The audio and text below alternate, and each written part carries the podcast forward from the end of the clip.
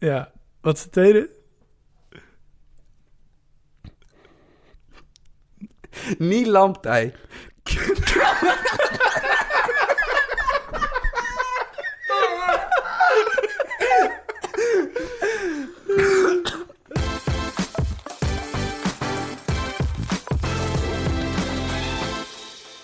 Hoi, leuk dat je luistert naar alweer een nieuwe aflevering van de Voetbalpodcast. Ik denk elke keer van, ik ga weer een nieuwe intro verzinnen. En dan zit ik in de trein en dan denk ik, nee, deze is toch gewoon eigenlijk best wel leuk. En eh, ik doe deze podcast natuurlijk altijd met mijn twee vrienden. De eerste is Jimmy Driessen Hey, hallo. en natuurlijk met Sam Planting.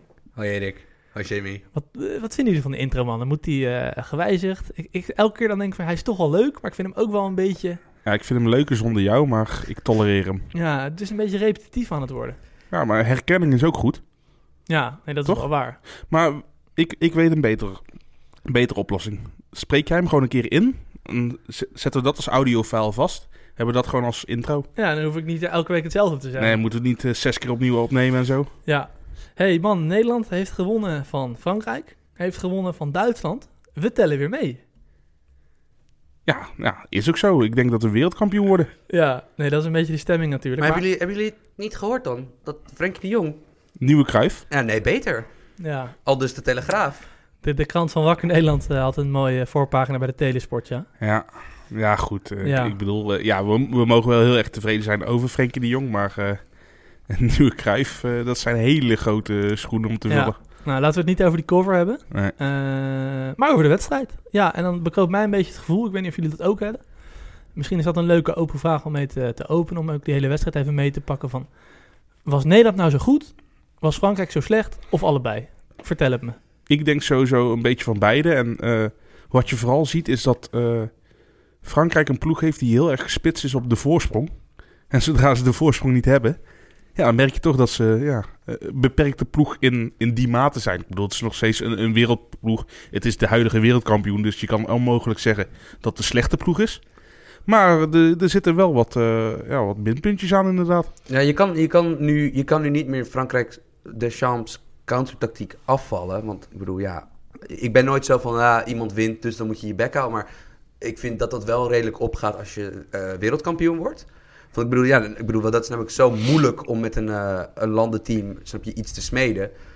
Aan de andere kant, ik had volgens mij, ik heb dat stuk al een tijd geleden geschreven, maar het stond afgelopen week in het parool. Ik, ik heb even moeten kijken naar wat er ongeveer in de talentenvijver van Frankrijk zit momenteel. Ja, dat is bizar, hè? En dat is bizar. En ook als je dan kijkt naar hoe het vrijdag voor, vanuit Frans oogpunt misging. Met dat ze dus nou, het initiatief volledig aan Nederland lieten. En dat Nederland eigenlijk niet agressief hapte en geduldig bleef. Ehm, als je dan kijkt naar bijvoorbeeld het middenveld wat Deschamps daar opstelt. Omzonzi, Kanté, Matuidi. nou ja, dat zijn dus drie balafpakkers. En ja, terwijl je hebt gewoon Rabiot van Morgan Sanson. Heb je, die, die wordt volgens mij nog ineens ooit opgeroepen. En, en Dombele is zelfs nog een veel technischere voetballer. Mhm. Ja, Ta- Tanguy Ndombele van, van, eh, van Lyon en ook Houssem Aouar van Lyon. Dat zijn geweldige spelmakers op het middenveld. Want je hebt nog zoveel andere opties. Dus ik wil, ja, ik, ik wil niet per se zeggen dat Frankrijk heeft gefaald. Maar Frankrijk koos een bepaalde eh, eh, tactiek waarop Nederland dit keer eh, een antwoord had. Ja. Het scheelt wel natuurlijk dat, dat Pogba er niet bij was. Dat scheelt echt dat een is op wel, de wel borrel. een kanttekening. En dat, zag je met name, vond ik, in de omschakeling bij Frankrijk. Als ze de bal een keer van Nederland al afgepakt en dan naar het andere helft toe. Miste hij wel echt iemand die met een lange dribbel of met een goede paas eh, Ja. de aanvallers kon bereiken. Ja, we weten allemaal bij Deschamps, ja, die man heeft een Ferrari. Ik ben niet zo van de auto's, maar een Ferrari, een dikke Mercedes. Hij rijdt rechterbaan, in de rechterbaan rijdt hij 80 km per uur en hij komt aan op zijn bestemming. Degelijk. Ja, En eh, als hij er is, dan zegt hij, nou prima, top. Soms is het wel een beetje dat je je achter de oren krabt. Want ik bedoel, Ja. Ousmane, Dem Ousmane Dembélé is bij Barcelona eh, moeilijk. Dusdanig moeilijk dat er zelfs geruchten zijn dat hij nu al wordt weggedaan. Hè, na anderhalf jaar, waar die maar, waarvan die maar een half jaar fit is geweest. Maar als je bijvoorbeeld hem als optie hebt... en nou, noem al die andere aanvallers maar op. Martial was dan geblesseerd, maar je hebt nog altijd Lacazette. Je hebt, Ja. nou, je, je hebt een echt een redelijk oneindige pool aan aanvallend talent. Dat je dan... eh, Als je speelt zoals Frankrijk vrijdag speelde, dan Giroud in de punt hebt, dat begrijp ik niet helemaal. Want in die niet. punt moet dan, als je 4-3-3 extreem op de counter gaat spelen, dan moet je in de punten snelheid hebben. Dan moet je dus Ja. Mbappé, Griezmann, Ja, eh, en wat, men, ook in de punt wat, wat me vooral heel erg verbaast is dat Deschamps zich toch wel aan Nederland had aangepast. Want Griezer, Ja. want ja, Mbappé had ik eerder vanaf de andere flank Nou ja, ten eerste verwacht. Ten opzichte van Daily Blind natuurlijk. Ik wilde eerst even met jullie vaststellen dat Frankrijk er meer uit kan halen dan ze nu doen. Maar nu we dat gedaan hebben, wat deed Nederland nou goed tegen die counterploeg waar misschien meer in zit dan ze laten zien? Wat deed Nederland nou aantoonbaar goed, wat we de laatste jaren misschien minder goed hebben gedaan? Nou ja, dat is dat jargonwoord restverdediging. Van dat, en dat, ik vind dat ook een beetje een ongelukkige term, omdat het niet helemaal Ga- visueel... Gaf Matthijs de Licht zelfs ook al. Die noemde die term ook Ja, in het interview. ja? Maar dat is is- toch ik- een hele bekende term in het voetbal wel? Nou, nee, nee, nee. Nee? Als, Oh. als wij dit aan onze, snap je, eh, aan onze voetbalkijkende oom vra- ooms vragen, dan eh, eh, denk ik dat, dat merendeel zal zeggen, wat is dat? Nou, restverdediging. Dat je elftal in balbezit zo opstellen dat je bij eventueel balverlies niet meteen ultra kwetsbaar bent voor de counter. En dan, als we, we kunnen een voorbeeld nemen van een ploeg waarbij dat op dit moment, een goede ploeg waarbij dat op dit moment helemaal misgaat, is Bayern München. Ja. Dat is dus een, een ploeg die op dit moment onevenredig vaak in de problemen komt bij balverlies. Ehm, Ajax is een ploeg in Nederland die daar wel een handje, bijvoorbeeld eh, Vorig jaar heel erg Ja. onder keizer. ja, onder Keizer in die, in die Europese wedstrijden die natuurlijk misgingen. En er waren ook allemaal andere verzachtende omstandigheden voor. Ja. Maar dat, was dus, dat zijn voorbeelden van hoe dat eh, ging. En hoe Nederland het nu organiseerde, was eigenlijk, ze hielden altijd de twee centrale verdedigers en de twee controleurs, De Roon en Frenkie de Jong, achter de bal. En vaak ook nog de back. Ja, het was een beetje een 2-2 blok of af en toe Mhm. een 3-1 blok was het. eh. Ja, en Blind was dan de back die thuis bleef, eh, of, of achterbleef. En Dumfries Ja, aan de ja. rechterkant. Het scheelde ook wel natuurlijk. eh, Bergwijn die zakte eigenlijk zo ver in dat het gewoon af en toe een middenvelder was. En dat eigenlijk Dumfries gewoon een Mhm. rechts half rechts buiten was. Ja. En daar had Frankrijk heel veel moeite mee met wie gaat eh, Bergwijn opvangen. Kimpembe kon niet te, te vaak uitstappen, want dan kreeg hij kreeg juist eh, Depay kreeg dan weer de ruimte en dan is hij levensgevaarlijk. En jij zei het al, Jimmy. eh, in de zomer hebben we allemaal gezien. Frankrijk speelde met Mbappé van rechts en eh Matuidi van links. Nou, Ja. Nu was het iets omgedraaid. Het was geen 4-4-2, maar een 4-1-4-1, 4-5-1. Ja, geef En- een beetje naam. Wie stond er aan de rechterkant om Frenkie de Jong af te dekken? Wie kwam er daardoor in die zone? Griezmann. Griezmann en Kanté, die Ja. moesten af en toe doorstappen op Frenkie. Daardoor kwam die ook wat meer centraal te spelen. En wat leverde dat voor helft op, de eerste helft, waarin Nederland heel veel balbezit had. Ja, en, Frank, en Frenkie de Jong kreeg juist heel veel de bal Mhm. ook. Maar En dat wil je. je zag dat Frankrijk, ja, we hebben het net al benoemd, die gaan geen druk zetten. Die lieten zich lekker vallen in dat verdedigende blok. En wat hebben we gezien? Een eerste helft met heel veel balbezit voor Nederland, maar niet heel veel hele grote kansen. Ik denk trouwens dat als je... Ik zat, Toch? Na, te, ik, ik zat na te denken, hè, want Frenkie de Jong is natuurlijk een heel bijzonder talent. En we, bijna iedereen weet ook wel hoe je moet beschrijven. Van het is dus een, een, een spelmaker op, die op een verdedigende middenveldspositie speelt. Maar die dus als behalve die heel verfijnde aanname en passing en, en kap- en draaibewegingen dus ook gewoon een dribbel heeft. Ja. Eh, en ik zat na te denken welke voetballer... Want ik zit nog steeds, ik zit nog steeds met die domme cover van de Telegraaf in mijn hoofd. Als je moet Eh, vergelijken met, met welke speler. Ja, ik denk dan dat.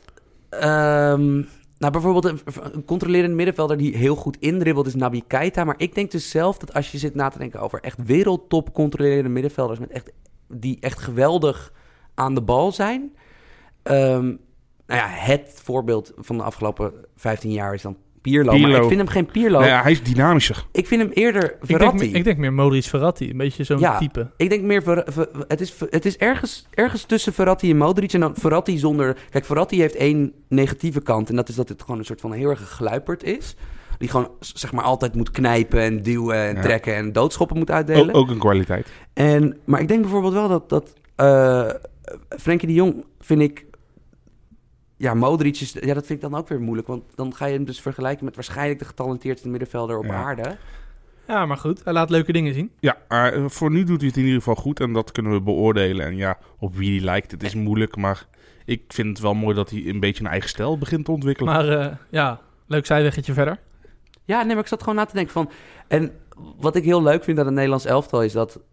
Hij, dat, ze, dat je toevalligerwijs nu echt een voetballer hebt die daar perfect op aansluit. Snap je? Die eigenlijk alles wat Frenkie de Jong niet zo goed kan, kan Martin de Roon heel goed. Ja, en plus het feit, eh, eigenlijk voor de Frenkie de Jong situatie, zoals ik hem maar eh, ga omschrijven, was Wijnaldum was de creatieve man. Ja. En nu is Wijnaldum eigenlijk een soort, ja, het is een diepgaande middenvelder, een beetje een, een halve tien is hij bij Nederland Ja. nu. En dan komt hij veel beter in zijn kracht. Ja, Ja. zeker weten. Dus ehm, weet je, we zitten vlak voor rust. We hebben een eerste helft gehad met Nederland heel veel de bal, weinig kansen. Frankrijk weinig gecreëerd. En er wordt een balletje ingepopt door Frenkie. En eh, ja, hij ligt erin. de bal. En ik denk dat dat enorm mee zat voor Nederland. Want de tweede helft liepen we, hè? Oranje heeft Oh, gewonnen. Oh, nu wel weer we. Dus we mogen Ja? weer we zeggen. In de tweede helft liepen we er helemaal overheen. Met Ja, counter bizar, na hè? counter. Ja. En dan was het een open huis bij Frankrijk op een manier dat ik dacht van... Nou, dat heb ik een tijdje niet gezien. Vond ik bijzonder. En dat is echt niet alleen maar omdat Pogba en Umtiti er toevallig niet bij Het waren. is, Nee, want Kimpembe is natuurlijk ook geen slechte speler. ja, ik zit na te denken hè, dat Ronald Koeman, die dus dusdanig, die na zijn Feyenoord-tijd zo'n goede naam weer had opgebouwd, dat hij dus bij Engeland ook, en Engeland sowieso natuurlijk, daar heb je geen technisch directeuren, dat hij dus een vinger in de pap kreeg bij ehm, transferbeslissingen, bij zowel Southampton als bij Everton. Shout-out Cuco. Martina. Als hij dat niet had gedaan, dan denk ik dat ik, als hij zeg maar niet Ronald Koeman, de technisch directeur, Ronald Koeman, de trainer, niet in de weg zou zitten, zou hij tot de absolute wereldtop He- behoren. Heeft Everton niet gewoon te laat Marcel Brands aangesteld? Ja, absoluut. Absolu absoluut. Als, als dat hij- had de baan van Koeman kunnen redden. Maar ja, Ja, goed. ook al bij Southampton, kant- want bij Southampton had hij, hij, hij erfde daar een heel getalenteerde ploeg.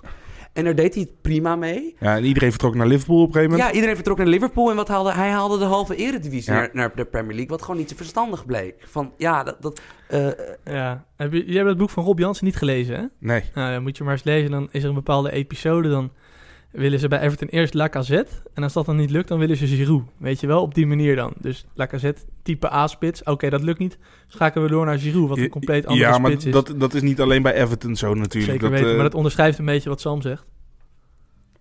Dus ja, daaraan kan je al afleiden dat het niet het meest, eh, dat het niet het beste transferbeleid was. Maar even over de trainer, Sam. Jij zegt wereldtop. ja, Plaats ik wel mijn vraagtekens bij, want we weten allemaal hoe de meeste topclubs tegenwoordig spelen. Uitgezonderd Atletico misschien, dat heel erg op balbezit georiënteerd en dergelijke. En daar is Koeman toch echt niet heel erg van. Die is meer van, we zetten een bus neer en we gaan uit van de, van de organisatie. Nou, ik bedoel, je hebt nog steeds wel ook voorzichtiger toptrainers die, die uitstekende... Bijvoorbeeld Valverde eh, schiet me dan te binnen. Van, dat is een... een eh, dat is de trainer, Ernesto Valverde, trainer van Barcelona. Van, eh, ik denk dat hij ook zo'n soort pad had kunnen hebben. Waren het niet dat hij... Ja, dat er toch ergens... En ik weet niet of dit, of dit ligt aan zijn contacten... of ligt aan misschien dat, dat hij misschien toch een beetje te koppig is over bepaalde spelers. Over het feit dat het bij Valencia en Benfica misschien niet helemaal goed gegaan is. Nee, want dat werd niet meer meegeteld. Nee, want ik bedoel, hij was aan een opwaartse lijn bezig in de Premier League. Met Southampton, Ever- van Southampton naar Everton was een op, is, een opga, is een opwaartse Ja, en- lijn. en uiteindelijk- In geval qua salaris. Want en- hij hoorde tot de beste En uiteindelijk tel van je je, je meest recente Dat is eh, helemaal waar. dingen tellen, tellen dikker mee dan... Koeman eh, kreeg bij de Everton 7,5 miljoen per jaar, dus dat is lekker. En ik vind het... eh, maar ik vind Maar hij stond op een gegeven moment in het rechte rijtje, hè? Met Ja. Ja, nee, maar het ging helemaal... Ik bedoel, het is, ik bedoel, het is het, ik bedoel hij, hij is terecht zijn baan daar kwijtgeraakt. Bedoel, ze Van- haalden Rooney, Sigurdsson en Klaassen in één transfer zo. Ja, allemaal snelheidsloze spelers voor dezelfde positie. Maar ehm, ik denk dat wat hij hier laat zien, dat hoe snel hij eigenlijk gewoon het rotzooitje, wat Pieter Zwart in de val van Oranje redelijk, volgens mij redelijk duidelijk en, en overzichtelijk allemaal heeft omschreven.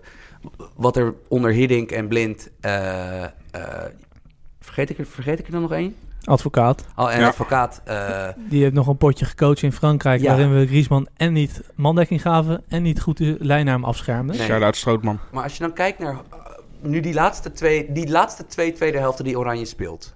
Tegen, tegen Duitsland in de arena en ehm, eh, tegen Frankrijk in de Kuip. Ja, dat is gewoon een ploeg die, omdat ze echt goed georganiseerd staan, doordat de spelers echt weten wat er van hun wordt gevraagd vanuit teambelang, zoveel makkelijke counters opeens krijgen. Snap je? Dat, dat, ze gewoon in een positie worden gezet om te slagen. En dat vind ik wel echt het teken van dat je zoiets kan bij een club. Snap je dat je als trainer eh, het zo neerzet dat je club, dat je spelers in de op, meest optimale positie staan? Dat is één. Ja. Maar, bij een is- landenteam... Bij een landenteam waar het echt een fucking potje was tot dat punt. ehm, waar het echt een fucking potje was tot dat punt. Dat je daar het zo snel op de rails krijgt, dat vind ik wel echt Ja. heel erg knap. Dat vind ik echt heel Ja, erg knap. het is een beetje een achtbaan nou. Hè. We zijn van een heel neerwaartse spiraal. Zijn we nou ineens weer helemaal omhoog. We zitten nu in de euforie natuurlijk. Ja. En dit Nederlands elftal is voor elk landenteam, ik herhaal het, voor elk landenteam vervelend om tegen te spelen. Ja, want De organisatie staat goed, Ja, individuele kwaliteit, Frankrijk kan heeft moeilijk echt onder druk gewoon- zetten. echt gewoon geen grote kans gehad, hè? Nee, en dat is heel bijzonder. Want ik, ik kan me niet een, een redding echt van Sillissen heugen dat ik denk van... Nee. Wow, daar houdt hij ons in de, in de wedstrijd. Hey, even om af te sluiten misschien. Hè. Wat zijn nou aantoonbaar andere dingen? We hebben er een paar genoemd. Maar wat zijn nou ten opzichte van die donkere periode die Sam noemt, hè, advocaat, eh, blind, eh Hiddink, het ligt niet altijd aan de trainer. Hè. De jongens zijn ook verder in, in een ontwikkeling. En Frenkie de Jong, Matthijs de Ligt, Wijnaldum wordt anders gebruikt. Kunnen jullie nog wat specifieke dingen opnoemen qua tactiek die nu echt beter staan dan toen? Eh, ik denk het eerste wat, wat, wat ik... Ik bedoel, ik wil de, de voetballer Arjen Robben niks tekort doen, want het is echt eh, een geweldenaar. Maar eh, ja, Nederland was toch een beetje gespitst op... geef de bal aan Arjen Robben en hopelijk doet hij er iets goeds mee. En zo niet, ja, dan, dan hebben we een probleem. Is er nu niet meer. Die kreeg hem vaak ook echt op 40 meter van de goal. Met zijn rug naar de goal. Op een lastige plek Ja. in het veld. Ja, ik zit na te denken dat als je tactiek eigenlijk heel bazaal maakt. Dus dat je even, even alle termen en zo weggooit. Van voetbal is natuurlijk gewoon een spel waar je keer op keer op keer als team door het middenveld moet komen. Toch? Je moet, Ja. je, moet, je moet rond die middenlijn, daar wordt het druk. Daar staat de tegenstander met verdedigers op je te wachten. Je moet er doorheen komen. En ja, de- de vindingrijkheid waarmee dat nu gebeurt. En dat, is, dat, is, dat heeft te maken met het individueel talent. Wat nu, snap je, van je hebt twee heel aardige, je hebt twee, nou, niet heel aardig, je hebt twee echt heel goede centrale verdedigers in de licht en Van Dijk eh, staan. En Ja. je hebt Frenkie de Jong. Ehm, ik vind wat daarvoor gebeurt, dus de aanspeelpunten die Frenkie de Jong heeft. Dus hoe er wordt bewogen door Wijnaldum, de twee buitenspelers en Depay als valse Ja. spits. Ja, dat is zoveel vindingrijker en veelzijdiger dan het hi- hiervoor was. Dus Voor- niet meer- Hiervoor was het statisch. Ja, niet meer vanuit het verleden van we hebben twee man aan de zijlijn. En dan komt er iemand in balbezit op het middenveld. Wie gaan we Maar, inspelen? maar nu? plus het feit... Bergwijn komt naar binnen. Hop, Domfries eroverheen. Die eerste grote kans van Nederland gaat Ja. Wijnaldum eroverheen. Dus het is een stuk dynamischer. Plus het feit, je- je hebt op, op de pion van Frenkie de Jong had je hiervoor had je Kevin Strootman staan. Dat is eigenlijk ook meer een soort origine een box-to-box middenvelder. En, en als je die samen met Wijnaldum erop zet, ik vind dat echt een hele slechte combinatie eigenlijk. Ja, ik ook. En, En, en nu, dan Snijder als tien. ja, en, en, en Wijnaldum vind ik echt gewoon echt een openbaring. Dat, dat Ja, vind ik eigenlijk wel het meest exemplarisch voor de, voor de periode Koeman. Is dat hij in zijn nieuwe rol veel beter... Ja, hij hoeft niet meer de kar te trekken. Wijnaldum is toch op de een of andere manier, omdat hij dus ehm, bij Liverpool met nog getalenteerdere spelers dan hij zelf speelt, hij is gewoon onderschat geraakt. Ja, maar- Ook omdat hij dus omdat hij gewoon altijd een ongelukkige rol in het Nederlands elftal had. Ja. Want als je kijkt naar zijn carrière bij Feyenoord, PSV en Liverpool en nu ook nog eens zijn rol in het Nederlands elftal. En het jaartje Newcastle natuurlijk. Ja, Wat- een jaartje Newcastle, waar, die, waar, snap je, een, een spelerskerkhof waar hij juist echt opbloeide.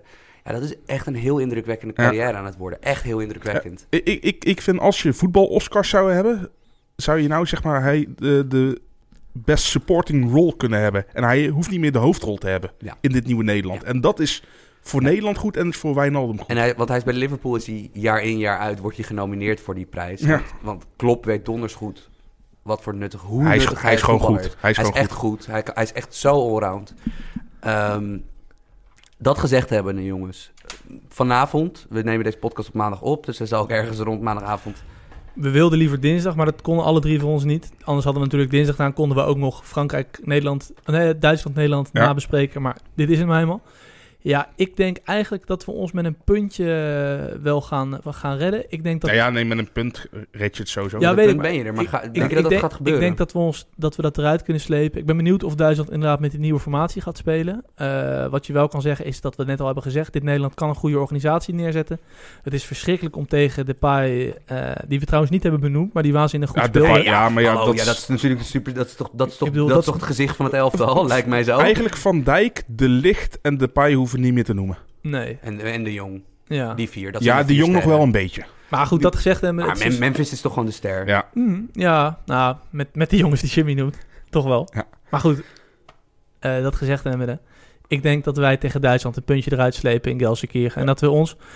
Ik had er echt... eh, ik had het nooit verwacht dat we het Ik gewoon vind, gaan redden. Ik vind het wel snel gaan hoor, dat je Duitsland uit... Ja, eh, we- we- Nee, maar we, hebben we- toch we- gezien eh, dat het goed staat ja achterin. maar weet je wat ik vooral hoop? Is dat, eh, dat kijk, de, de overwinning tegen Duitsland was, was een hele goede morele opsteker. Maar toen was het spe- spel nog niet goed. Nee, zeker niet. Ik hoop gewoon, ongeacht het resultaat, dat Nederland ook in de uitwedstrijd tegen een meer voetballerende ploeg. Want ja, Frankrijk liet Nederland natuurlijk voetballen. Mhm. Zal Duitsland niet gebeuren. Nee, we gaan het wat... Ik denk dat wij... Hè, wij, we hebben gewonnen. Ja. Mogen weer we zeggen. Ik denk dat Oranje de bal in Duitsland laat. Ja, en, en hoe, hoe reageert Nederland daarop? En, en kijk, natuurlijk, het is voor, voor het landsbelang en aanzien is het mooi als we de pool winnen.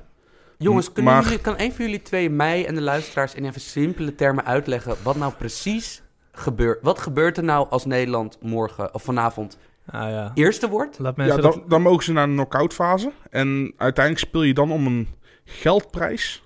En dat is het. ei- Eigenlijk zit er eigenlijk alleen een, een geldprijs aan vast. Er zit nergens een WK Geen- geen- of E- geen EK-ticket ticket. Nee, nee, verborgen. Nee, maar volgens mij ben je wel ge- eventueel als je... Je komt in de eerste I- pot Ja, je bent, je bent groepshoofd als je niet bent gedegradeerd uit Pool A. En volgens mij ben je ook al zeker van een playoff plek als je het niet redt in de poolfase, zeg maar. Van de normale Nou ja, ik ga morgen... kwalificatie. Ik ga morgenochtend even op YouTube Nations League uitleg. Want, eh, Nee, nee, nee, Michel Abing heeft, Michel Abing heeft op VI heeft hij, een, eh, heeft hij hem helemaal uitgeschreven. Ja. Maar ik ben hem vergeten te lezen vanochtend. Ah. Heeft, hij, heeft hij een paar maanden geleden volgens mij al gedaan. Ja. Oké, nou mooi. Dat, eh, Maar, maar het is sowieso toch mooi. Wie, wie- van tevoren hadden we verwacht dat we met nul punten Ja, kansloos dit zouden degraderen. Maar weet je, Sam zegt net tegen mij, heel goed punt wat jij maakt, Jimmy, van ja, dit hadden we van tevoren niet verwacht. Nee, ik had ook niet van tevoren verwacht dat ik zou zeggen Duitsland uit. Ik denk dat we daar een punt pakken. Maar ja, als Babel en, en, en eh, Bergwijn geen, geen deuk in een pakje boter hadden geschopt tegen Frankrijk, had ik het ook niet gezegd. Maar we hebben nu wel een paar wedstrijden bewijs dat het wel gewoon kan. Ja, en nog steeds wil ik wel zien op de lange termijn hoe het gaat. ja, want ik, ik, ben namelijk ook... Frankrijk, eh, Frankrijk kan je nog steeds van verliezen. Hebben we ook nog gedaan. En we kunnen er blijkbaar gelukkig ook van winnen. Ja, Maar van Duitsland kunnen we ook gewoon nog verliezen. Tuurlijk. En dat Want- is geen Ik schande. bedoel, laten we eerlijk zijn. Duitsland heeft, als je die hele selectie van Duitsland bekijkt, nog altijd een betere ploeg. en misschien hebben wij op dit moment een beter elftal. En we hebben Duitsland de vorige keer getroffen op hun Vriendenploeg. aller... We hebben Duitsland getroffen met, nee, met Oranje, snap je, vier, weken, vier, vijf weken geleden op hun allerdiepste punt. Nou, Leu heeft besloten dat de eerste aanpassingsronde dat die niet goed was. Want hij wilde, er, hij wilde juist wat voorzichtigheid inbouwen. Hij wilde juist wat meer countervoetbal erin bouwen. Volgens mij heeft eh, die oefening interland was tegen Rusland. Ja. Eh, nou ja, volgens mij is dat een teken dat hij dus weer gaat aanpassen. Dat hij heeft besloten dat die aanpassingen na het WK niet goed waren. En dat hij dus, hij gaat nog meer verjongen nu.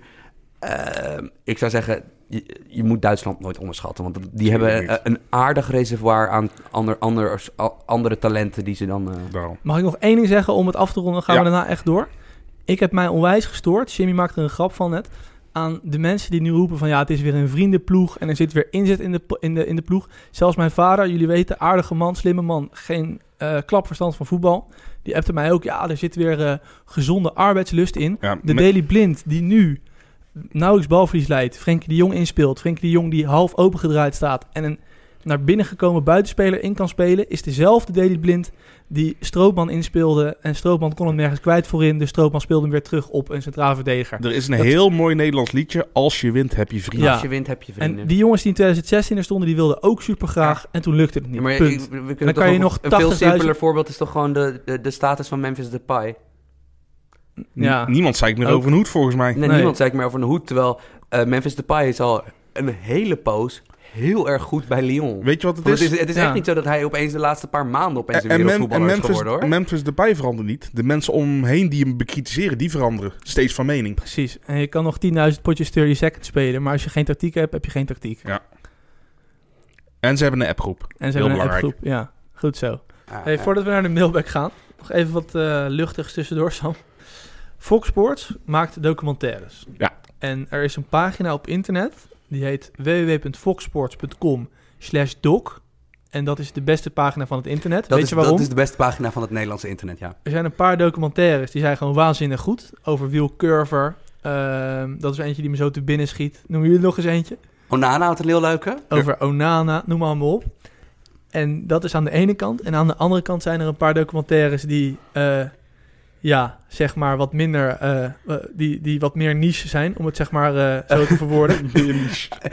Waar je, waarvan je denkt van, zijn er meer dan 800 mensen op deze, in dit land te vinden voor wie deze documentaire is gemaakt? Ja, maar is dat ook niet met onze voetbalpodcast? Oh, zeker. Nee, maar luister, dit is uit liefde geboren. Ja. Van, en ik denk dat wij er ook alle drie, behalve dat we fan zijn van die documentaires, wij zijn, wij, wij zijn heel erg fan van de naamgeving van deze ja, documentaires. sowieso. Ja, Want het zijn natuurlijk echt kuifje-titels, hè? nou, het zijn toptitels. Ja. En je had een leuk spelletje bedacht voordat we naar de mailback gaan. Ja, want ik denk dat dus iedereen die wel eens Fox Sports kijkt, iedereen die dus wel een live wedstrijd kijkt, en ik bedoel, ze mogen dit gebruiken als gratis reclame. ehm, die heeft in die reclameblokken, ziet die documentaires die dan... Ze hebben volgens mij minimaal elke week een nieuwe. Ja, want er er heel erg veel voorbij komen. Ehm, Volgens mij is er ook iets met een soort contract qua clubs, dat elke club Ja. moet er drie hebben of zo. ja, Oké, maar wat was jouw idee, Sam? Ik heb een paar namen uitgekozen. Ik ben in de hele doclijst gaan kijken. En ik ben gaan kijken welke, welke kuifje-achtige titels ik het aller, uit literair oogpunt het allermooist vond. Ik heb telkens drie echte titels uitgekozen en er eentje zelf voor de lol bij gegooid. En dan moet- moeten wij raden welke de nep is. Mogen jullie raden welke de neppe is? Leuk man. Oké, daar komen de eerste vier. Saudade Brasileiro, oftewel Saudade Bra- Brasileiro, ehm, eh, Braziliaans gemis. Eh, Heimwee naar Almelo. Dat is titel 1. Titel 2, De tovenaar van Tilburg. Het verhaal van Moussa Dembele. 3, moet ik even toelichten. Titel 3 heet De Vlaamse Gary Lineker. En dat gaat over Geert de Vlieger. Omdat hij ook een pundit is op tv, denk ik. Want Ja, Zou, zou kunnen. Ik ga, het, Of- ik ga het zo analyseren, Sim. En de, de vierde is Joey van den Berg. Van Wasstraat tot Wembley. ik, denk dat het dat, ik denk dat dat qua alliteratie Nou, en qua, qua, qua woordkeuze ik, de allerbeste ik denk is. sowieso de, de tweede. Wa- Wat Nou, was het kijk, ik denk de eerste was een Braziliaanse term. Hij mee naar Almelo. Ja, nee, maar dat de gaat over Everton, denk Ja. ik. Dus die is echt. Wat- was was de twee- tweede ook de De alweer? tweede? tovenaar van Tilburg. Nee, dat is uh, Jawel, Dembele. jawel, jawel, jawel. Want Frank Snoeks, die heeft toen een keer toen Dembele die goal maakte eh, voor AZ tegen Willem II. Toen zei Frank Snoeks, Tita Tovenaar. Hij kan toveren. Oh, ja, ik denk dat dat hem is. En dat was die derde. Ik denk dat die van Joey van den Berg. van Wasstraat tot Wembley. Dat dat bullshit is. Dat Ja, geloof ja. ik niet. Wat was die Unaniem, derde? Wat was die derde? De derde was de Vlaamse Gary Lineker. Het gaat over Geert de Vlieger. Is Geert de Vlieger pundit in België, Jim? Ja, ja, ja. Volgens mij wel. En gaan we dan voor vier, dat die niet waar is? Nee, maar die is te mooi om waar te zijn. Ik ga voor drie. Ik ga Welke vier. is dat? De, Gary, de Vlaamse Gary Lineker. Ik, ik zeg dat vier niet waar is. Nou jongens, het was de tovenaar van Tilburg. Ah, die hele analyse. Ik had toch gewoon bij mijn eerste antwoord moeten blijven. Dankjewel, Erik Elias. Oké, daar gaan we. Frank Snoeks heeft dat wel geroepen toen. Da- waarom denk je dat ik de titel had Maar, verzonnen? maar het mooiste is al, de, docu van Joey van den Berg is echt Ja, hij is echt. Hij is echt. maar ik bedoel, het is echt fantastisch. mooi. Ik, ik heb oprecht, ik zeg je eerlijk, ik heb 15 documentaires vanochtend geboekmarkt die ik deze week en in dit vliegtuig volgende week gewoon ga kijken. Lekker. Echt Lekker. heerlijk. Volgende ronde, jongens. Sorry, Jimmy. Dat was mijn schuld. Ja, maakt niet uit. Volgende ronde. Komen ze. 1. Optie 1. Dejan Kurovic, DJ Superstar. Sowieso echt. Van Vitesse, sowieso. Optie 2. Nilamtij, koning van het duister. Optie 3 heeft eh, uitleg nodig. Oké. Optie 2 niet dan. Nee, nee, nee, die spreekt voor zich. Eh, optie 3. Aan het einde liggen de bloemen. Ja, hier, hier, hier, hier wordt het poëtischer.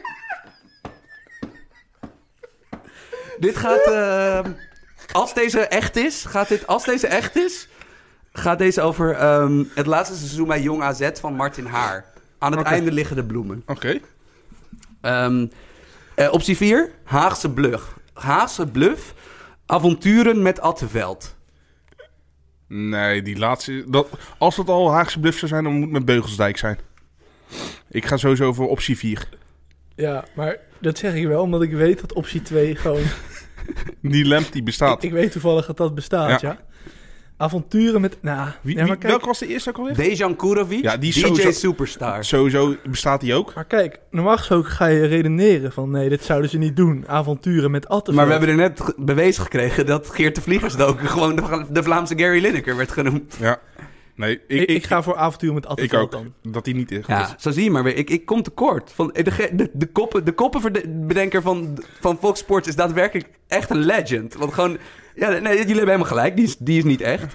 Yes, nou, Oké. Lekker man. Dan gaan we naar de volgende. Hoeveel komen er nog? Eh, dit is de laatste. Oké. Eh, Oké. Vier opties. Heel goed. We gaan nu een beetje niche qua, Oh, we gaan nu pas niche. qua titelomschrijving. Oké. Maar, mag ik nog één ding vragen? Wie is Neil Lamptey? Wie is dat? Nee, niet Lampty. Dat, dat, is- N-I, Lamptij. Wie is dat? Niet Lamptij. dat was eh, de, de parel van eh, PSV die eigenlijk nooit is eh, doorgebroken. De koning van het duister. Ja. Een raar verhaal, joh. Oké, sorry. Daar kan Ja, ik nee, maar ik, ga niet, ik kan natuurlijk niet die do- docs spoileren. Want Nee. ik bedoel, Je moet hem nog kijken. ja. Leeft hij nog? Niet? Ja. Oké. Oké, dan eh, we, we beginnen een beetje niche. Eh, Pierre Vermeulen, op gevoel. Wie was Nou. Pierre Vermeulen? Ja, leg eens uit, Jim. Nee. Commentator. Ja? Ja. Oké. Eh, volgens, volgens mij ook, een, het was toch een speler bij, ik heb hem opgezocht. Heel, ja, heel, heel vroeger mag. Een Links speler bij Roda en. Feyenoord, toch? Linksbuiten. Ja, ik- durf ik niet te zeggen. Speelde toen nog links, links binnen. Links binnen. We blijven in het zuiden van het land. Ja. Eh, dit, is het levensver- eh, dit is het verhaal van eh Keitske Honda in, eh, in Nederland. Eh, de, de docu heet The Daruma Doll. De Daruma Dol?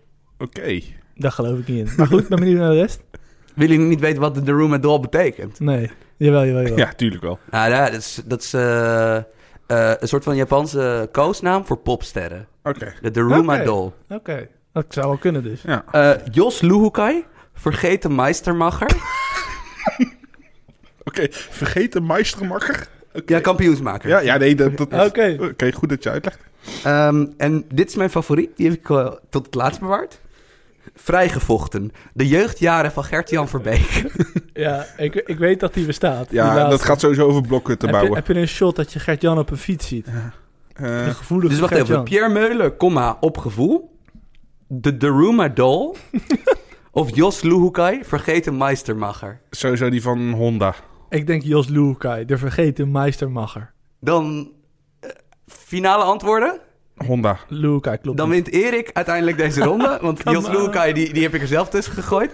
Ehm, de- ik heb wel trouwens verzonnen wat de Daruma Doll betekende. Want ik heb het vanochtend allemaal bij elkaar gezocht. En ik, ik had geen tijd om erachter te komen wat het precies was. Maar goed. Ehm, in elk geval, eh, ik zou ze eigenlijk allemaal willen zien. Ja. Want kijk, aan de ene, sorry, maar als jij documentaires maakt met deze titels, ga ik kijken. Ja, nee, is ook zo. Want, Doe ze goed. Ja, Ja. Vermeulen, op gevoel.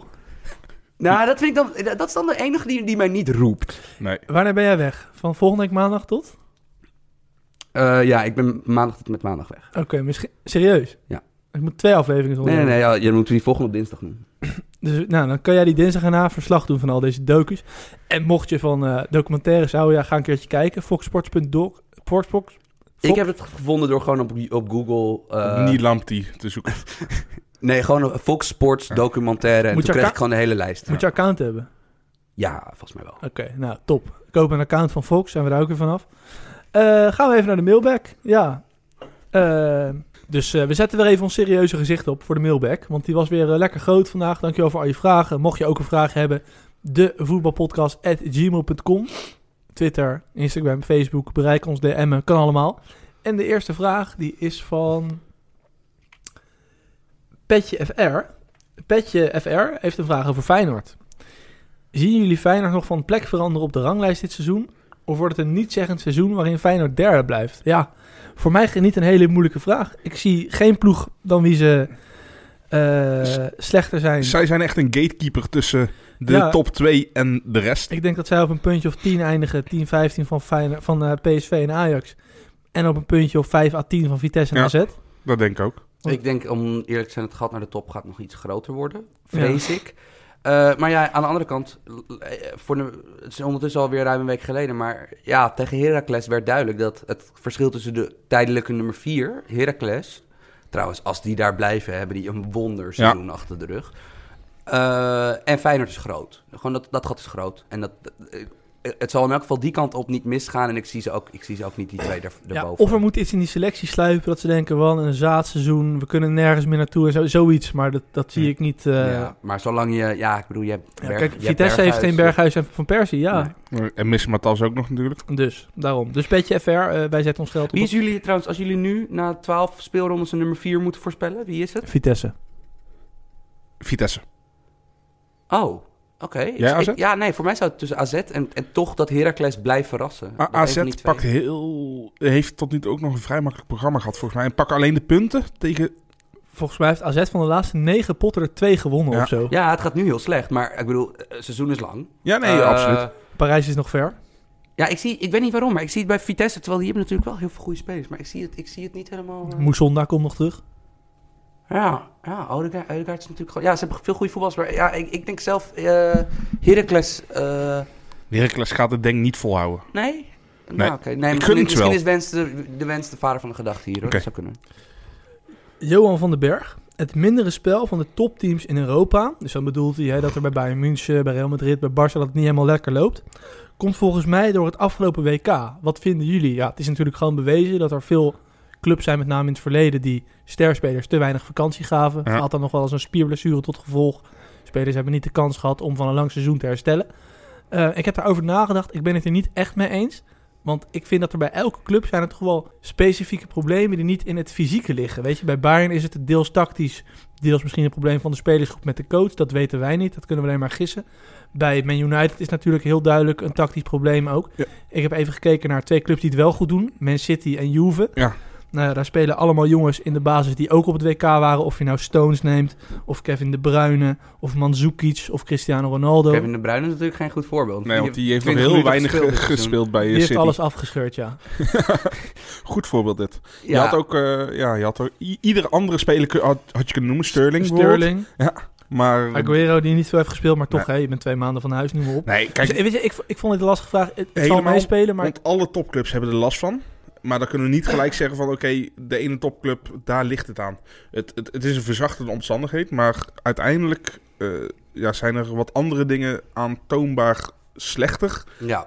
die dus eh, voor deze negatieve spiraal zorgen dan alleen het niet rust krijgen. ja want Maar het is wel een probleem, vind ik. Dat Ja. wel. Ja, want als je kijkt naar eh, Real Madrid, bijvoorbeeld het voorbeeld van een topclub waarbij het nu niet goed gaat.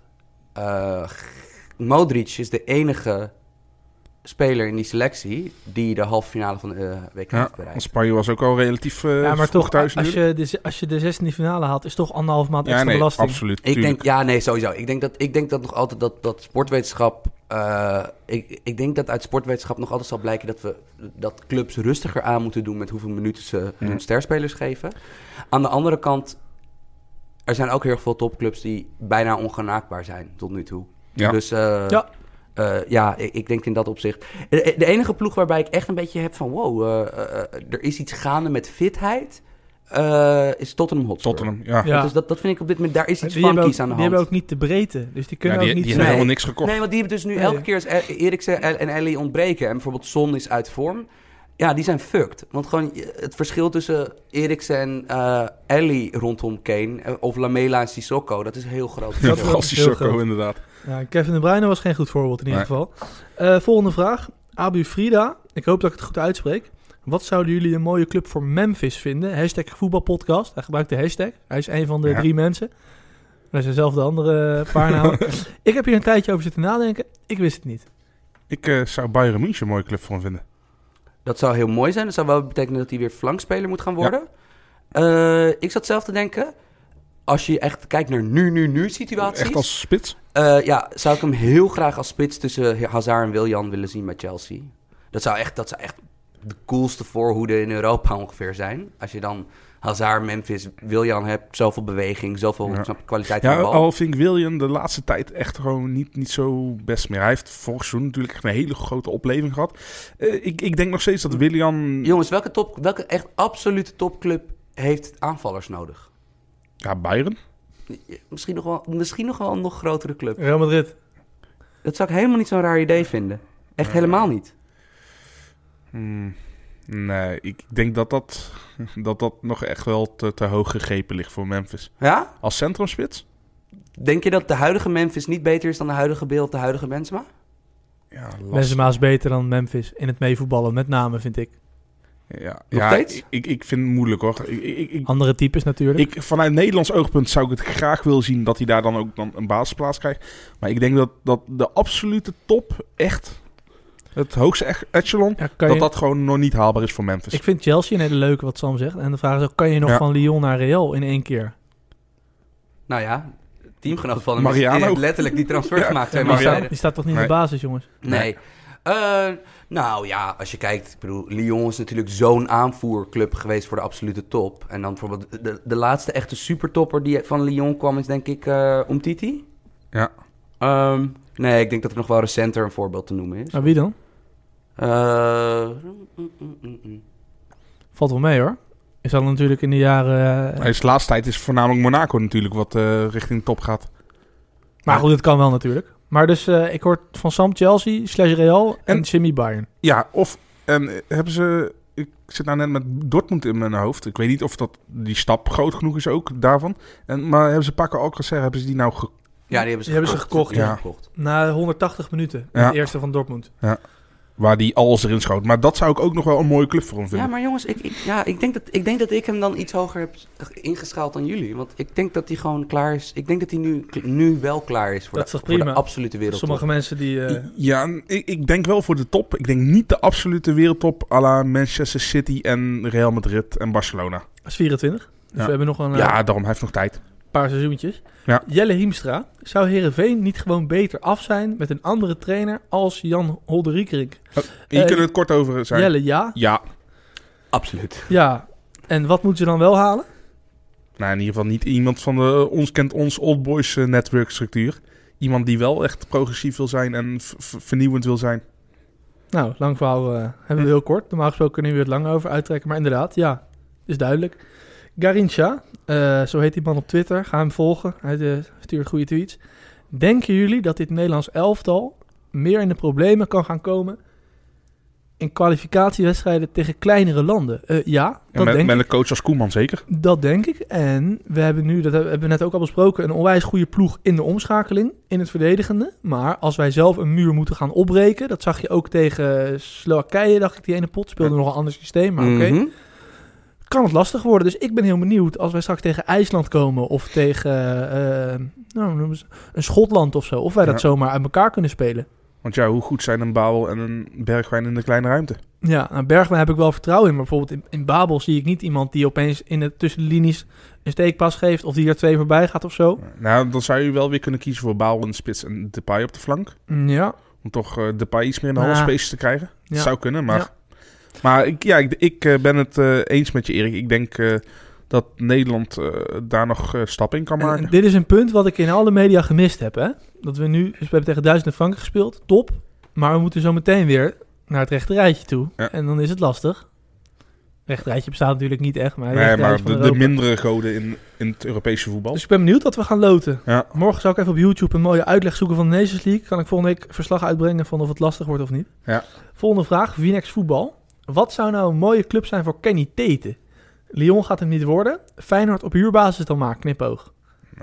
Ja, ik weet het niet, man. Hij, hij is als reserve weggegaan bij Ajax. Hij is nou ook weer reserve bij Lyon. Ja, nou, Ja. ik heb hem wel zien spelen in zijn eerste seizoen. Ik zou dit echt een, een moneyball aankoop vinden. Wat is een moneyball aankoop? Spelen met een krasje. spelen met een krasje. Eh, we weten dat hij een buitenspeler uit kan schakelen. We weten dat je hem niet moet vragen om aan de binnenkant als extra middenvelder te spelen. Je moet hem niet vragen om 80 keer... Maar, maar, maar welke, welke Europese club die een Mhm. beetje aanzien hebt, want ik wil hem wel een beetje goed wegzetten, speelt er echt met backs die zoals Kenny Tete zijn? Nou ja, ik had dus een beetje de helemaal in het rechte rijtje Premier League neer te zetten. Volgens mij zou je daar zich prima handhaven. En dat is helemaal geen verkeerd niveau. Beetje een Brighton, eh Hove en Albion of Ja. zo? Zoiets. Ja. Of eh, Crystal Palace bijvoorbeeld. Maar ja, en dat hij gewoon de bal inlevert bij Ja. een spelmaker. Ja, laten of we een even lange bal specifiek geven. doen, kan hij wel samen met Riedewald... eh, Want je noemt hier bijvoorbeeld bij Crystal Palace, je noemt dan toevallig, per ongeluk noem je dan net de club die de toekomstige rechtsback van het Engels elftal heeft, met Aaron van Bissaka. Eh, maar Brighton, Huddersfield, ja. ja, ik denk clubs, clubs die inderdaad, eh, Southampton op dit moment, maar die hebben een goede met C3. Die hebben Cedric, ja. Ja. Ehm, ja, clubs die inderdaad die, die niet, eh, die geen eh Kimmich-achtige rechtsbacks eh, willen hebben, die eigenlijk gewoon, snap je, in balbezit gewoon rechtsbuiten zijn. ja. Er zijn in de Bundesliga toch ook best wel veel clubs die gewoon zo spelen. nou, nee, ik denk dat in de Bundesliga, ik denk dat Kenny Tete als een club met drie centrale verdedigers speelt, dat hij als buitenste centrale verdediger. Eh, Frankfurt bijvoorbeeld. ja, Frankfurt. Of wat dacht je van een andere club die heel vaak spelers met een krasje eh, enorm weet eh, laten opbloeien? Hoffenheim. Hoffenheim, ja. Van, ik, zou daar, ik zou dat eigenlijk leuker vinden en hoopgevender vinden dan Premier League. Want bij Ja. Premier League is het gewoon simpel van... als je dan twee wedstrijden kut speelt, dan halen ze een nieuwe. Ja, en het probleem is, als Premier, je moet ook niet naar de Premier League gaan als speler met een krasje. Nee. Ja, aan de andere kant, kijk, Congolo, Terence Congolo is een soortgelijke verdediger aan de linkerkant van de verde- verdediging. En die is bij Huddersfield... Ja, het probleem is dat Congolo is 15 centimeter langer dan Tete. Ja, en plus het feit, die heeft een half jaartje op de bank gezeten bij AS Ja. Monaco. En Ke Maar, Kenny maar nou Congolo, wel is, heel... Congolo is echt een van de belangrijkste spelers bij Ja. Huddersfield. Ja, maar kijk, waarom noemde ik het inderdaad de Moneyball aankoop? Hij is voor weinig geld weggegaan bij Ajax, waar hij op de bank zat. Hij zit nu op de bank bij Lyon. En het is niet dat je denkt van, nou, die, die zal heel gewild zijn overal. Maar ik denk wel dat hij dat niveau aan kan. Nee, maar Premier League doet toch niet aan Moneyball aankopen? Nee, dat is waar. Maar Bundesliga bijvoorbeeld. Ah, bijvoorbeeld Brighton. Brighton is dus een een club die dat... Die dat er, zijn, er zijn clubs die Ja, enigszins... alleen, Ja. Die, alleen die trainer stelt ze dan niet op. Ja, dat, dat bijvoorbeeld... Hoe ja, heet die man? Eh, Chris Hutton of zo? Chris Hutton, Ja. wel een Ja. sympathieke man voor de rest. Ja, hartstikke sympathieke man. Nee, en maar- Bundesliga. Ik, ik, ik, ik, ik hoop middenmoot ergens in die, in die wat hogere middenmoot Bundesliga. Ja. En misschien dat hij zich inderdaad dan kan heruitvinden als centrale verdediger voor driemansverdediging. Ja. Daar, daar, zie ik hem eigenlijk, daar zou ik hem eigenlijk wel ideaal voor vinden. Leuk. Volgende vraag is van Alice Philippe op Twitter. Welke performance van een speler vonden jullie de meest memorabele ooit? Jimmy. Ja, ik wilde dus eigenlijk met eentje komen, maar eh, Ja. toen ik in onze groepschat zat, zag ik al dat Erik hem had. Eh, ben ik toch maar gekozen, eh, ben ik toch maar gegaan voor de, de prestatie van Michel Preudom. Volgens mij voor de vele luisteraars vooral bekend als trainer van FC Twente. Maar in de jaren 90 echt een ontzettend goede doelman. Van KV Mechelen onder andere. En tegen Nederland op het WK, 94. Ja, jullie, ja, jullie kijken me inderdaad vragend aan van, huh, dat ken ik niet. Ja, toen speelde hij echt geweldig. Ik bedoel, ja, Nederland was, was gewoon nog wel een, ja, een wereldtopteam natuurlijk. Net, eh net halffinale EK 92 uitgeschakeld door Denemarken natuurlijk. Maar ja, je ging er gewoon als een van de favorieten ging je gewoon naar Amerika toe. Maar ja, toen eh, vond Preudom eh, het eh, wel welletjes. Die, die hield me partij ballen tegen. Joh. Het was niet eens dat Nederland heel goed speelde. Maar elk schot, elke aanval had hij gewoon. Toen zat Nederland met Saoedi-Arabië in de pool ook. Ja, en Marokko. En Marokko. Ja. Toen zijn ze doorgegaan. Netjes. Ja, danks, dankzij een stuntelende eh, doelman van eh Saudi-Arabië in, eh, in de en toen wedstrijd. eruit tegen Brazilië. Ja. ja. Ja, eerst nog van Ierland gewonnen. Yes, en toen inderdaad met Bebeto en Romario Beetje een eruit. vergeten WK wel. Ja, 94. ja, ik vond het ook niet een heel leuk... Ja, jullie hebben waarschijnlijk niet eens echt live kunnen zien. Ik was toen drie maanden. Ja. Ik was drie jaar. Nee, ik, ik werd wel s'avonds... eh tegen de, de wedstrijd tegen Saudi-Arabië was... Nederlands tijdstip was s'avonds, s'nachts. Ja, toen werd ik wel uit mijn bed gehaald eh, door mijn vader... eh, van eh, jullie mogen die kijken. Ja, dat vond ik geweldig. Uitstekend, Tuurlijk. Wie heb jij, Sam? Ja, ik zat te denken dat eigenlijk alle keren dat ik voetbal zat te kijken... en dat ik echt niet mijn ogen kon geloven wat ik zag... bijna altijd, 9 van de 10 keer was, is dat Messi. Dus nou, no- no- noem alle Messi-optredens maar op. Andere optredens die me bijstaan, Lewandowski. Ik denk drie jaar, Wolfsburg? drie jaar geleden was tegen Wolfsburg... dat hij vijf goals maakte in Negen 9 minuten tijd. ja. Eh, dat was onvoorstelbaar. Vooral omdat volgens mij vier van die goals waren daadwerkelijk mooi. Ja, maar tot de vijfde goal van Lewandowski had Wolfsburg de controle. Ja. Ja, ik bedoel, het gaat allemaal om flow. Ja. Het gaat allemaal gewoon... Het, het balletje moet net goed vallen. Eh, nee, ik zit na te denken. Ehm, een optreden wat ik echt verkeerd heb ingeschat. Ik weet niet meer welk jaar het is. Dit, dit moet makkelijk op te zoeken zijn. Eh, dit was Ricardo Kishna tegen FC Twente. En dat Ricardo Kishna heeft 80 of 90 minuten lang, hoe lang hij op het veld stond... heeft toen Hidde ter Aves, die ondertussen prima rechtsback is bij Udinese... Hidde ter Avits bij Twente heeft hij echt vermorzeld. Dat ik, ik, dat ik zat te kijken op de tribune in de arena en dat ik dacht van... Ja, oké, st- stop, stop, Kiesna, het is genoeg. Van het punt is duidelijk, jij kan zoveel beter voetballen dan... Speelde ehm, die met nummer 11 of met 49? Weet je dat toevallig nog? 11, hij had wel Ja. 11. Oké, dan was het dat tweede seizoen. Ja. Ja. Sam, je, je weet me echt wel gruwelijk te verbazen. Want ik had jou een beetje ingeschat van... Ik wist sowieso dat je met een eh, wedstrijd van Messi aan zou komen. Maar ja, Ja. dat, dat heb je al. Maar ik dacht dus echt dat je met Ronaldinho 2005 tegen Madrid zou komen. Ja, maar ik ben, dus, ik ben volgens mij voor... eh, wat bijna elke... Staande ovatie, hè, voor hem. Ja, dat is ook wel een heel, dat is ook wel een heel goeie. Maar ik heb Ronaldinho heb ik gewoon moeite mee. Want dat was altijd mijn favoriete voetballer. Maar hij is zo'n idioot in het echt. Ja, dat, gewoon dat mijn ver- herinnering aan hem is een beetje verpest. Doordat ik nu weet wat voor persoon hij naast het veld Ja. is. Eh, ja, ik zat te denken, want ik, misschien is dat ook wel juist dat optreden. Dat is denk ik wat, vijf jaar geleden of wat dan ook. En ik dacht... 2005? Kies- 2005. nee, maar Oh, ja, Kiesna. Kiesna. Ik, ik denk dat ik dus... Ik dacht daar dus... Ik meende daar echt de geboorte van een ster te hebben gezien. En dan zie je dus Ja. hoe de voetbalwereld, hoe, die, hoe vergankelijk die is. Hè? Ja, hoe snel het kan gaan.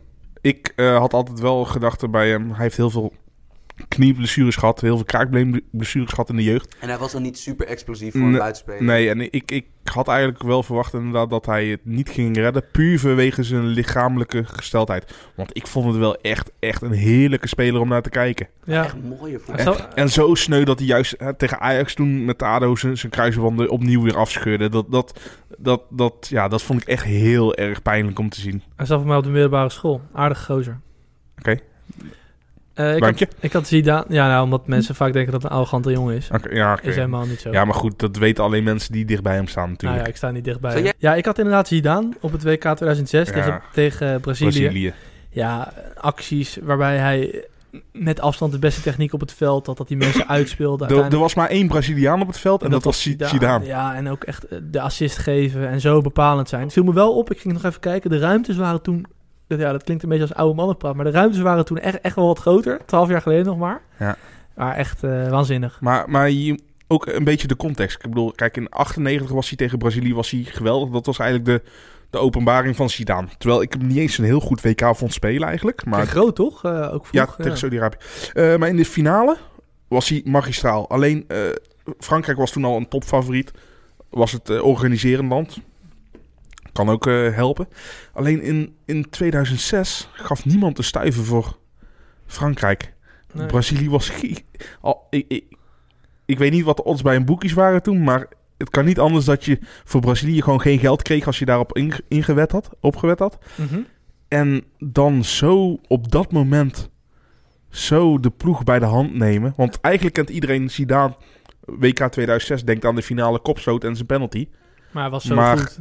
Ja. Die wedstrijd heeft hij gewoon echt in, in zijn... Had, had hem tien wil, andere willekeurige ploeg, ploeggenoten gegeven, had nog steeds gewonnen van Brazilië. Hij vertelt het veel beter dan ik, man, Ja. Jimmy. Het is gewoon echt mooi. En zeker als je weet dat het zijn laatste toernooi was. Ja, Geeft een bepaalde context aan dat het gewoon bijna magisch was. hij is gewoon echt gewoon... De oude keizer is nog steeds gewoon... Ondanks dat hij oud was, is hij op zijn hoogtepunt gestopt, man. Niet en dat, normaal. en dat heeft hij bij Real Madrid als coach ook gedaan. Zo'n Ja. slimme gozer eigenlijk. Goed, volgende. Leuke vraag trouwens. Hoeft niet altijd over de actualiteit te gaan. Hè? Leuke vraag. Joachim, hoe kijken jullie naar Manchester City? Genieten van het fantastische spel op het veld onder de beste coach ter wereld? Of een team dat een treurig product is van financiële doping, bevestigd door voetballeagues? Eh, ik, ik denk nog steeds, ik geniet er meer van. Want je hebt ook ploegen die ook hetzelfde qua financiële praktijken doen. En die wanstaltig voetbal op de mat leggen. Dan kies Ja, ik toch voor eh, Kijk, het leukere er wordt, voetbal. hier, er wordt hier een tegenstelling gecreëerd. Van, nou, ik heb het allebei. Ik geniet van het voetbal. De UEFA zou moeten optreden. Heb ik één of twee weken geleden ook gezegd. Van ja, de UEFA zou moeten zeggen: PSG, regels overtreden, geen Champions League. Man City, regels overtreden, geen Champions Gaat League. alleen niet gebeuren. Gaan ze niet doen. Dus dan verwacht je van de club zelf dat ze zich op een bepaald. Dat ze een bepaald moreel kader scheppen waar ze zich binnen gaan gedragen. Gaan ze niet doen. Dus het kan allebei voor mij. Ja. Ik kijk meer naar de UEFA dan naar de clubs in dit geval. Het is zoals, ik denk dat mijn 20 favoriete gerechten op deze planeet allemaal vlees bevatten. En je moet eigenlijk, en het is wel zo dat als je vlees eet, je moet nooit echt gaan nadenken over hoe het tot Ja. stand is gekomen. En dat is bij Manchester City, als je bijvoorbeeld kijkt waar dat geld vandaan komt. Uit Abu Dhabi, hè? Ja. Ja, maar precies. En als je dan je gaat inlezen hoe en wat, dat je eigenlijk denkt... Nou, van, olie- olie, dat toch? kan niet. Ja, ja en, en wat mensenrechten schenden. Ja. Ehm, eh, In Abu Dhabi ook? nee joh, daar, daar gebeurt Nee. nooit iets. Oké. Ehm, eh, eh, dat blijft altijd een beetje moeilijk aan voetbal. En dat, dat is sowieso gewoon het moeilijk aan popcultuur. Is dat ehm, je, je wil altijd van iets volledig fan zijn. En Maar er zitten heel veel slechte kanten aan. er zitten heel veel kanten aan. En eh, ik denk dat, eh, dat wij hier in Nederland dan wel enigszins boffen. Dat we niet, niet in een enorme morele spagaat worden gedwongen om Nee. voor een voetbalclub te zijn. Want ja, ik bedoel, aan de ene kant, het is het mooiste voetbal op aarde wat Manchester City speelt. Kijk, ik kijk volgens mij altijd. Ehm terwijl het totaal niet mijn club is. Ehm, maar ja, het is inderdaad wel zo. Ja, je moet, je moet wel altijd even nadenken van hoe ze daar gekomen zijn. Ja. En eh, Ja, de, de omzet was ineens binnen tien jaar op hetzelfde niveau als Menu en, en Ja. eh, Barcelona. Ja, allemaal merchandising. Ja, nee, je hoort, eh, die shirtjes die verkopen als gekken. Volgens mij krijgen ze 200 miljoen of zo voor een sponsordeal met Abu Dhabi Ja. eh, Emiraten, Emirates. Ja, en eh, met Paris Saint-Germain is precies hetzelfde gegaan. Ja, maar dus, dus allebei. We genieten van het voetbal, maar wij eh, beseffen tegelijkertijd wel eh, waar het vandaan komt. En Guardiola is ook een mascotte voor het WK 2022 in Qatar, dus dat is helemaal top. ja, zei die heel sarcastisch. Goed, volgende. Co van het Hek. Sam, jij eh, mag die voorlezen.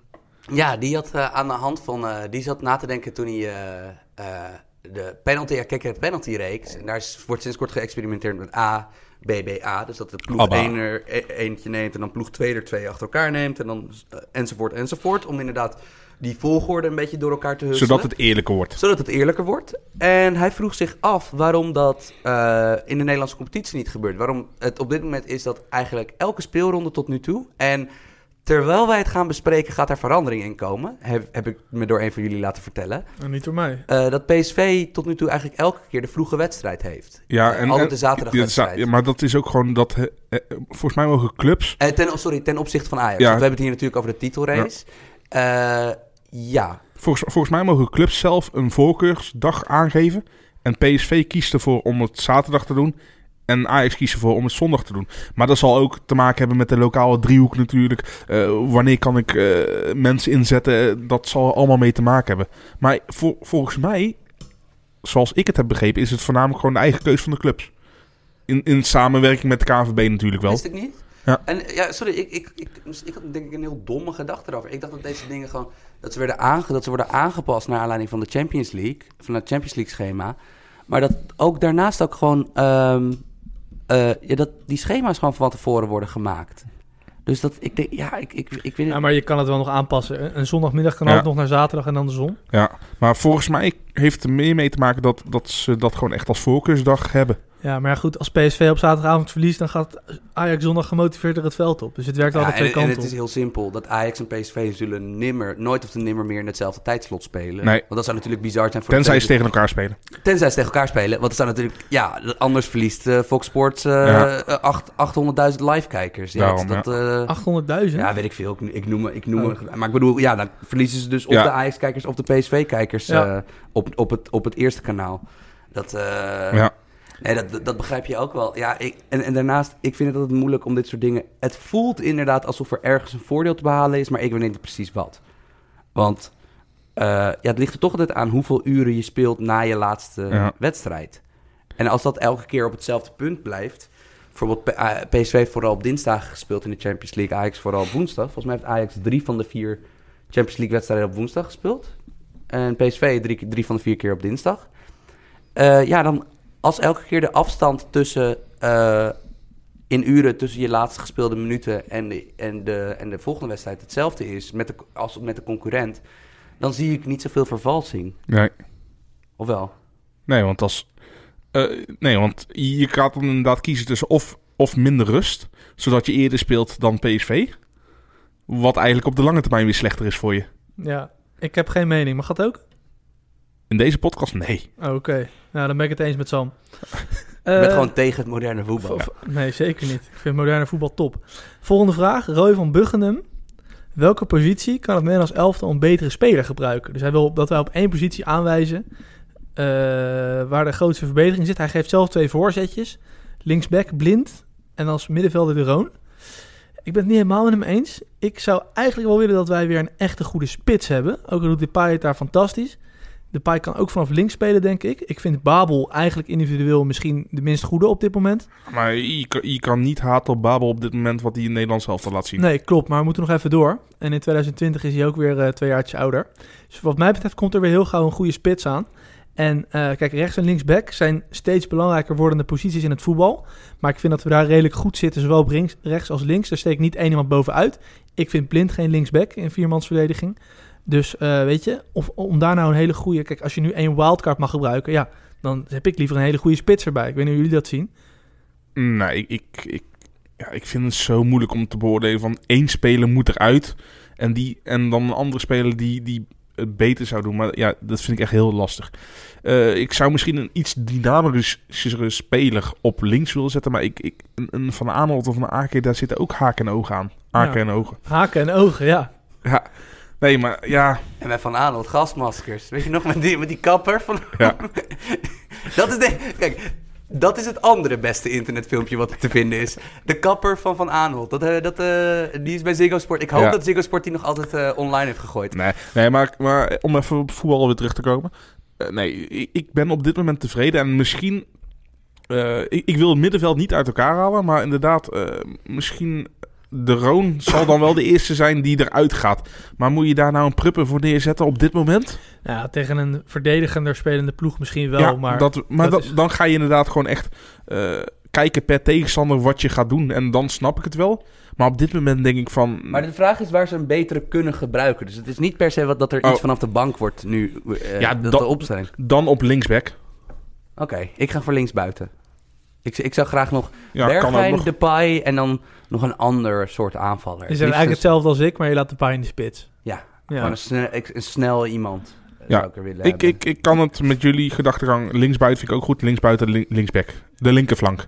Het linkerflankie. Ja. Mooi zo. Heel groot compliment voor Dumfries en Bergwijn, hè, wat we nu zeggen. En die hebben het Absoluut. hartstikke goed gedaan, die gasten. Nee, maar, maar, maar Blind heeft het ook gewoon goed gedaan. Zeker. Alleen ik denk eh, dat Blind kwetsbaarder is tegen sommige ploegen als vleugelverdediger dan Dumfries. ik, denk, Puur vanwege de snelheid. ik denk dat Blind in de eerste minuut heel blij was toen hij zag dat Mbappé... eh, Nou ja, of misschien was Mbappé wel blij dat hij tegenover Blind hoeft te staan. ja, dat kan ook. Ik denk niet dat Mbappé bang is voor iemand op een voetbalveld. Nee, Laatste vraag. Wilke Horstman. De UEFA heeft zich meerdere malen negatief uitgelaten over het feit dat bepaalde clubs, zowel spelers, zoveel spelers onder contract hebben staan en deze vervolgens verhuren, bijvoorbeeld Chelsea. Vinden jullie dat hier ook een einde aan moet komen of is het juist een goede ontwikkeling, omdat veel clubs met weinig kapitaal een goede speler kunnen huren? Ja, nee, ik, ben hierop. eh, ik vind dat ze dat aan banden moeten leggen. Want je zegt wel, ja, nu kunnen ze een goede speler huren. Maar hiervoor hadden ze misschien, als hij niet bij Chelsea had gezeten, hadden ze hem misschien wel kunnen kopen. Dat is het hele verhaal, Jimmy. Ja, toch? Eh, eh, afgelopen weekend was er het NRC. Ik weet, niet of het, ik weet niet of het de afgelopen dag was. Ik denk dat het, afgelopen week had het NRC Fabian van der Pol, sowieso tamelijk fabeltastische journalist. eh, die had samen met Hugo Lochtenberg had hij een verhaal geschreven over eh, de invloed van City, Man City bij NAC. En ik zou zeggen, lees dat verhaal. Dat is gewoon op nrc.nl te lezen. Eh, dat is zorgwekkend. Ja, dat, eh, vorig, als je vorig, ziet- vorig jaar kreeg NAC twee hele goede spelers. ja, Die hebben ze dit jaar ja, niet. drie als je Ambrose ook als goed Ja. ziet. Ja, Ik las wel dat ze een hele goede keeper zouden krijgen die op het laatste moment teruggestuurd werd. Dat vond ik wel lullig, wist ik helemaal niet. Die Muric. Ja, Ja. Die, nu, die nu op de die Ja, nu tweede die- keeper is bij ja. City. Die, die, die heeft een week bij NAC eh, rondgelopen. Ja, ik, ik ben het helemaal eens met Wilke Horsman. Ik vind het verschrikkelijk. Ik pleit eigenlijk voor een systeem waarbij je 50 spelers onder contract mag hebben staan. Dan heb je 30 spelers voor je eerste selectie en dan kan je nog 20 jeugdspelers aan je binden. Dat is echt ruim voldoende. En dat je 10 of 12, 10 of 12 transfers mag doen. Dat is, als je zuiver Ja. sportief handelt, is dat ruim voldoende. En dan haal je al deze gekkigheden haal je weg. Dan een Angelino bijvoorbeeld, die heeft geen minuut voor City 1 gespeeld. Maar hij heeft flink wat geld opgeleverd. Ja, nou, en dan kan dus, ik wil niet zeggen Nou. Philip, Sand- Philip Sandler wordt natuurlijk door City gehaald met ongeveer een negatieve kans aan dat hij ooit een minuut zal spelen in het eerste. in het eerste Ja. van City. En dat is puur... Maar zij zien in hem een verdediger die eh, vijf jaar later in plaats van de 2 miljoen die ze nu voor hem uitgeven, 7 miljoen. ja, maakt, aan Stoke 15 City. miljoen. En Manu Garcia is ook zo'n speler, noem maar, maar op. En Ja. Die jongens, ik zeg niet dat NAC Angelino had kunnen kopen, maar, Nee, maar ook- misschien een, een Utrecht of een... eh, kijk, NAC heeft natuurlijk geen cent om, eh, om uit te geven, maar een, een, een, Utrecht of Heerenveen misschien wel. Ja. Die kunnen dan wel weer dat soort jongens halen. En die worden nu allemaal opgeslokt. Volgens mij is Juventus de allergrootste boef. Dat, Chelsea, Juventus, Ja. City, dat zijn de dat zijn die hebben 90 veelplegers. contractspelers onder, Ja, onder contract, zoiets. Ja, eh, slecht. UEFA nogmaals. Doe er wat Ik aan. denk niet dat er iemand luistert. Misschien moeten we het maar zelf gaan doen. Maar doe hier iets tegen. Kom met regels. Want Ja. dit is geen gezonde situatie. Nee. En dan hebben we het nog niet eens over de sportieve carrières van Ja, die gasten. Je, je- je bent gewoon echt een nummertje. Je bent gewoon echt handelsvaar. Ja, Echt. en die Philip Sandler die zegt... Ja, ik krijg echt kans in het eerste. Ja, nou goed, als je er zelf ja in nou, gelooft. nee, maar dat, bijvoorbeeld dat, in dat NRC-verhaal dat gewoon... eh, dat, he- dat al heel snel in, intern bij de club duidelijk is dat de spoeling van City-jongens die ze eh, in de afgelopen zomer krijgen, dat die niet hetzelfde was als die het jaar daarvoor. Maar dat dan toch, ja, dat zo'n NAC gedwongen wordt door de publieke druk en door, maar ook door City, eh, door gewoon afspraken met City, door te doen alsof zij zelf ook maar enige zeggenschap hebben in zo'n samenwerkingsverband. Dat is heel tragisch. Het is allemaal eenrichtingsverkeer Het is eenrichtingsverkeer. En ik bedoel, maar Dat kan zie je wel nou met Muric al. Maar kan je het, kan je het NAC Breda verwijten dat die zo'n samenwerkingsverband aan? Nee, want Tuurlijk an- anders hadden ze een Angelino en een Anders- Manu Garcia anders nodig gehad. anders speelden ze in de Jupiler League. Ja, Ja. dan speelden ze nu weer in de Jupiler League. En dat is dus het probleem, is dat ehm, ja, de enige manier hoe dit opgelost kan worden is van bovenaf. Ja. En ja, een club van bovenaf gaat de Manchester City's en Juves van deze wereld niet terugfluiten, Nope. want dat zijn de wereldmerken van Ja. het voetbal. En eh, ja, het enige, het enige wat je kan doen is, is als club hier aan doen, is dat je gewoon heel principieel bepaalde clubs, dat je daar gewoon twee keer zo hard mee onderhandelt. Ja, maar, sta, maar je zit altijd in een slechte onderhandelingspositie. Daarom. Ja, Dus- er was een zinnetje in het eh, artikel. Wat gaat NAC inbrengen? Worstenbroodjes. Ja, die vond ik wel geinig. Ja, en wat maar heeft NAC in te brengen voor City? Ja, speeltijd in de die, Eredivisie, moet je, ja. die moet je niet onderschatten. Die worstenbroodjes zijn lekker daar, ja, dat is waar. Komt, komt de Bravo weer. Hoor. Zeker, zeker. Nou ja, NAC Ja. is gewoon een hele leuke, mooie club. Nee, die maar- moet in de maar- Eredivisie. Zoals je al zegt, doe er wat aan UEFA. En eh, ik denk dat da- daarmee de vraag wel eens beantwoord, toch? NAC E- heeft- Erik, Erik, vol- volgens Erik moeten er volgens mij 27 clubs in de Eredivisie. Want hij zegt zo vaak, ah, het is zo'n mooie club, die moet er gewoon Ja, bij. ja, maar dat kan wel als die Beneliga doorgaat. Dan, Emmen mag eruit van mij. Fortuna, de Graafschap. nou komt ineens heel Ja, rijk. jezus, nu worden even alle Fortuna, M en de Graafschap-fans eh, keihard geschoffeerd. of, Die, die deze podcast luisteren, worden keihard geschoffeerd. Alle 14 fans inderdaad. hey, we zijn er doorheen. Dank je voor het luisteren en tot volgende week. Hey, hallo. Oh nee, dat is altijd mijn openingszin. S.O. Marciano Vink. Zo Regilio Vrede. Esso, Frankie, Johan Cruijff, De Jong.